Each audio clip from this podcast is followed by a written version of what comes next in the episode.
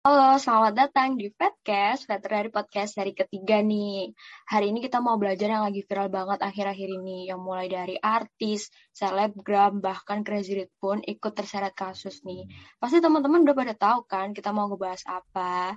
Ya, kita mau belajar tentang investasi nih, tapi ini investasi yang benar ya, biar kita nggak tipu nih teman-teman. Sebelumnya, kenalin, aku Naila sebagai MC di Fatcast kali ini. Tentunya aku di sini nggak sendiri dong, aku ditemani ditemuin sama narasumber kita dari mahasiswa Fakultas Ekonomi Bisnis, yaitu Muzakir Makruf. Kita sapa dulu kali ya narasumber kita ini. Halo Zakir, apa kabarnya nih? Uh, halo Naila, Alhamdulillah kabarnya baik. Alhamdulillah baik ya. Mungkin Zakir bisa memperkenalkan diri dulu biar yang lain bisa kenal nih sama Zakir. Oh iya, kenalin ya uh, teman-teman FKH, uh, nama aku Zakir uh, dari Fakultas Ekonomi dan Bisnis angkatan 2019. Oke, sekarang semuanya udah pada kenal kan sama narasumber kita kali ini.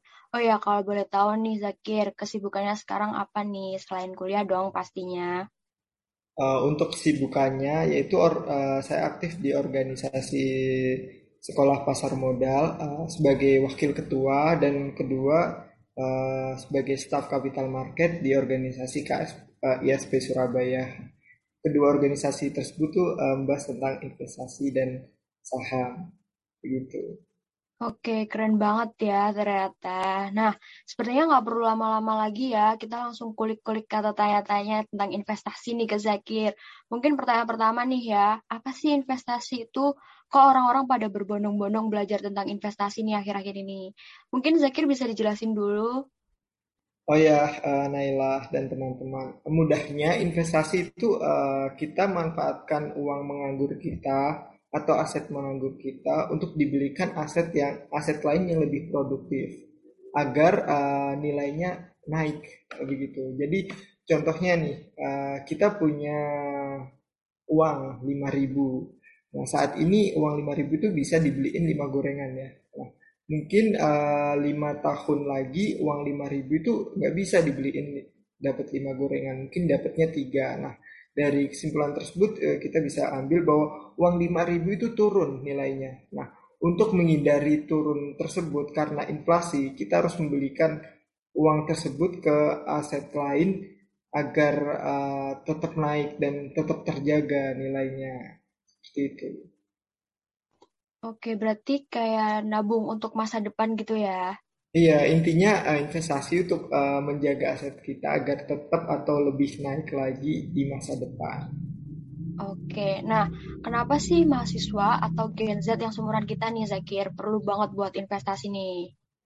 Uh, pertama, kenapa Gen Z itu perlu banget untuk berinvestasi sejak dini ya? Uh, per, uh, itu alasannya untuk kita uh, belajar uh, sejak dini.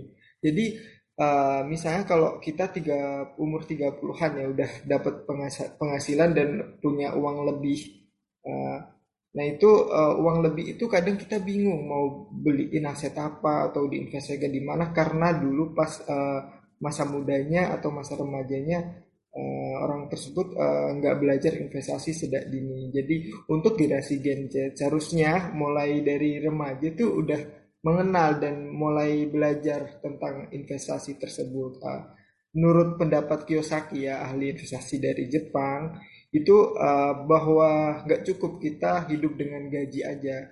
Jadi kita harus berinvestasi agar lepas dari kesulitan keuangan.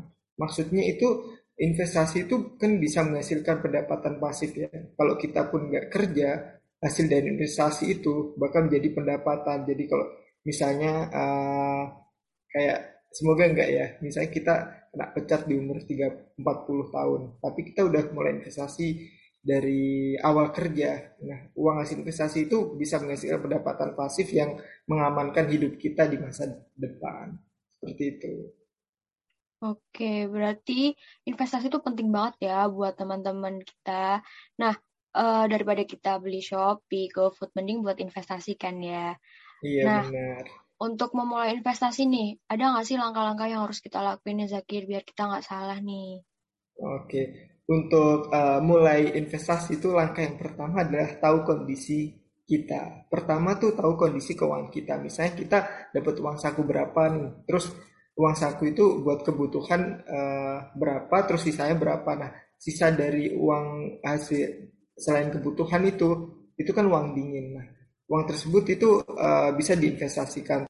Yang kedua tuh kondisi uh, kitanya. Kita kan pengen mau investasi tuh pengennya untung ya, keuntungan. Nah, keuntungan seperti apa sih? Kan di investasi tuh ada ya ke aset yang uh, naiknya kecil tapi konstan kayak naik terus terus resikonya kecil juga. Terus ada yang investasi yang naiknya besar langsung. Tapi resiko kerugiannya juga besar. Nah kita harus memilih antara yang pengen naik konstan atau uh, naik besar atau mengkombinasikannya. Nah kalau kita udah tahu pilihan asetnya kita harus berani mencobanya. Berani mencobanya itu untuk uh, biar tahu kondisi sebenarnya itu seperti apa. Nah berani mencobanya itu dengan uang kecil juga. Jadi kita uh, memulai dengan uang kecil.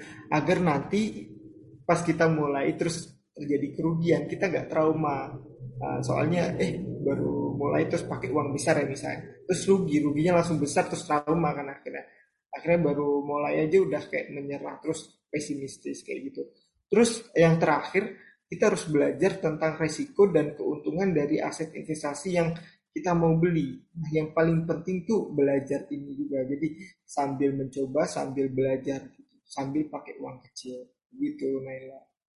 Oke, berarti begitu ya teman-teman langkah-langkah uh, yang harus kita lakuin untuk memulai investasi nih. Oke, tadi udah disinggung buat pakai nominal kecil nih. Nah, kan kita sebagai mahasiswa ya belum berpenghasilan sendiri nih. Uang kita juga dari masih masih dari orang tua kan. Kira-kira bisa nggak sih kita investasi pakai nominal yang kecil atau harus dengan nominal besar? Dan kira-kira minimal nominalnya tuh berapa ya? Uh, Tadi yang udah aku jelasin ya, kalau mencoba kita harus pakai nominal kecil dulu untuk uh, soalnya itu untuk belajar dan kita belum mengenal uh, karakteristik aset tersebut ya, kondisi realnya di lapangan kayak gimana. Nah, untuk minimalnya tuh uh, contohnya aset uh, reksadana ya, reksadana tuh minimal beli itu cuma 10.000 ribu. Terus kedua saham itu minimal beli satu lotnya ya, itu 5.000 cuma. Dan kripto uh, juga tambahan lebih kecil lagi. Jadi investasi itu harus uh, nyatanya tuh nggak di dunia nyatanya itu nggak mahal banget. Jadi kalau kita punya uang kecil pun bisa berinvestasi. Nah, uh, kita kan belum punya penghasilan ya kalau uh, mahasiswa. Jadi dengan kayak menyisikan penghasilan kecil-kecil lama-lama jadi bukit kan, ya kayak gitu. Jadi uh, tambah lebih bagus uh, mulai dari kecil itu. Kita bisa tahu step-stepnya bagaimana mengkondisikan uh, uang yang sedikit, bagaimana mengkondisikan uang yang besar kayak gitu di aset yang seperti apa kayak gitu. Oke, daripada beli Shopee Food ke Shopee, ke Food, mending kita investasi nih teman-teman. Pakai uang 5000 udah bisa investasi nih sekarang. Oke uh, biar bis, biar kita bisa tahu nih investasi yang kita jalanin atau yang kita pilih ini aman atau terjamin tuh gimana ya caranya. Kan takut juga ya kalau ternyata investasi yang kita pilih ini ternyata bohongan atau nipu gitu Zakir. Oh iya Naila. Uh, soalnya banyak kayak aplikasi yang nipu kayak kemarin ada itu binomo contohnya kayak gitu. Nah untuk menghindari itu agar investasi aman soalnya kan uang kita untuk masa depan ya Uh, itu yang paling mudah tuh uh, kita harus membeli aset-aset yang diawasi OJK, aset-aset investasi yang diawasi OJK tuh uh, pertama ada saham, saham yang ada di Indonesia ya. Terus kedua ada reksadana, terus ada ketiga ada kripto uh, kayak gitu. Nah, contohnya kalau uh, kita membeli tiga aset tersebut, kita kan harus melewati aplikasinya. Aplikasinya tersebut juga harus diawasi OJK. Nah, cara lihatnya di websitenya OJK aja Contohnya aplikasi buat membeli saham itu ada iPod atau ajaib kayak gitu. Nah di situ kita bisa membeli uh, saham yang dipantau oleh OJK. Terus kedua uh, reksadana, reksadana kita bisa beli di bibit dan aplikasi-aplikasi lain. Terus kalau kripto kita bisa beli di toko kripto seperti itu. Yang paling penting tuh harus ada uh, OJK-nya. Nah ini contoh uh, realnya ya kalau di pasar modal ter terutama investasi saham. Nah misalnya uh, perusahaan sekuritas ini nakal, uh, udah diawasi OJK tapi mereka bangkrut tiba-tiba. Nah, apakah saham kita yang udah beli uh, dibeli lewat perusahaan sekuritas itu hilang? Enggak, soalnya uh, OJK itu udah uh, mempunyai skenario kayak yang bagus uh, bagaimana agar aset kita itu nggak ditaruh di perusahaan sekuritas tersebut, tapi ditaruh di uh, namanya kusadian sentral efek. Jadi bener-bener aman. Jadi investasi di saham dan reksadana itu aman banget. Nggak mungkin uh, apa yang udah kita beli itu hilang. Kayak gitu sih. Oke, berarti yang harus terdaftar di OJK ya dan diawasi OJK ya. Iya, Oke. benar. Mungkin yang terakhir nih Zakir, ada nggak sih pesan nih buat teman-teman yang ingin memulai investasi nih?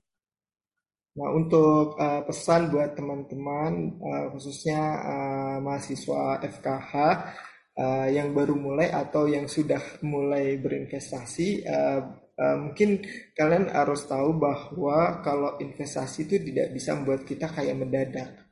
Uh, orang yang punya mindset kayak gitu tuh biasanya orang yang cenderung ke sifat tamak. Nah, orang kalau udah punya sifat tamak, mereka kan lupa untuk belajar dan menganalisis lagi. Kan investasi itu nggak harus di, di, dianalisis kan.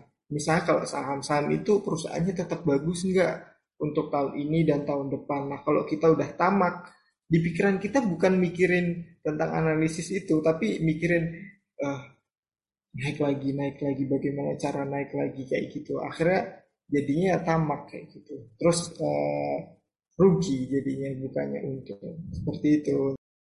Oke, mungkin mindsetnya harus dirubah ya teman-teman, Iya biar nggak tamak gitu ya kata Zakir ya. Hmm, Terus harus dihilangin nih mindset kayak mendadaknya ini harus dihilangin nih. iya. Oke, baik mungkin itu ya teman-teman pesan-pesan dari Zakir dan semoga obrolan kita hari ini bisa menjadi pengetahuan tambahan buat teman-teman untuk memulai investasi.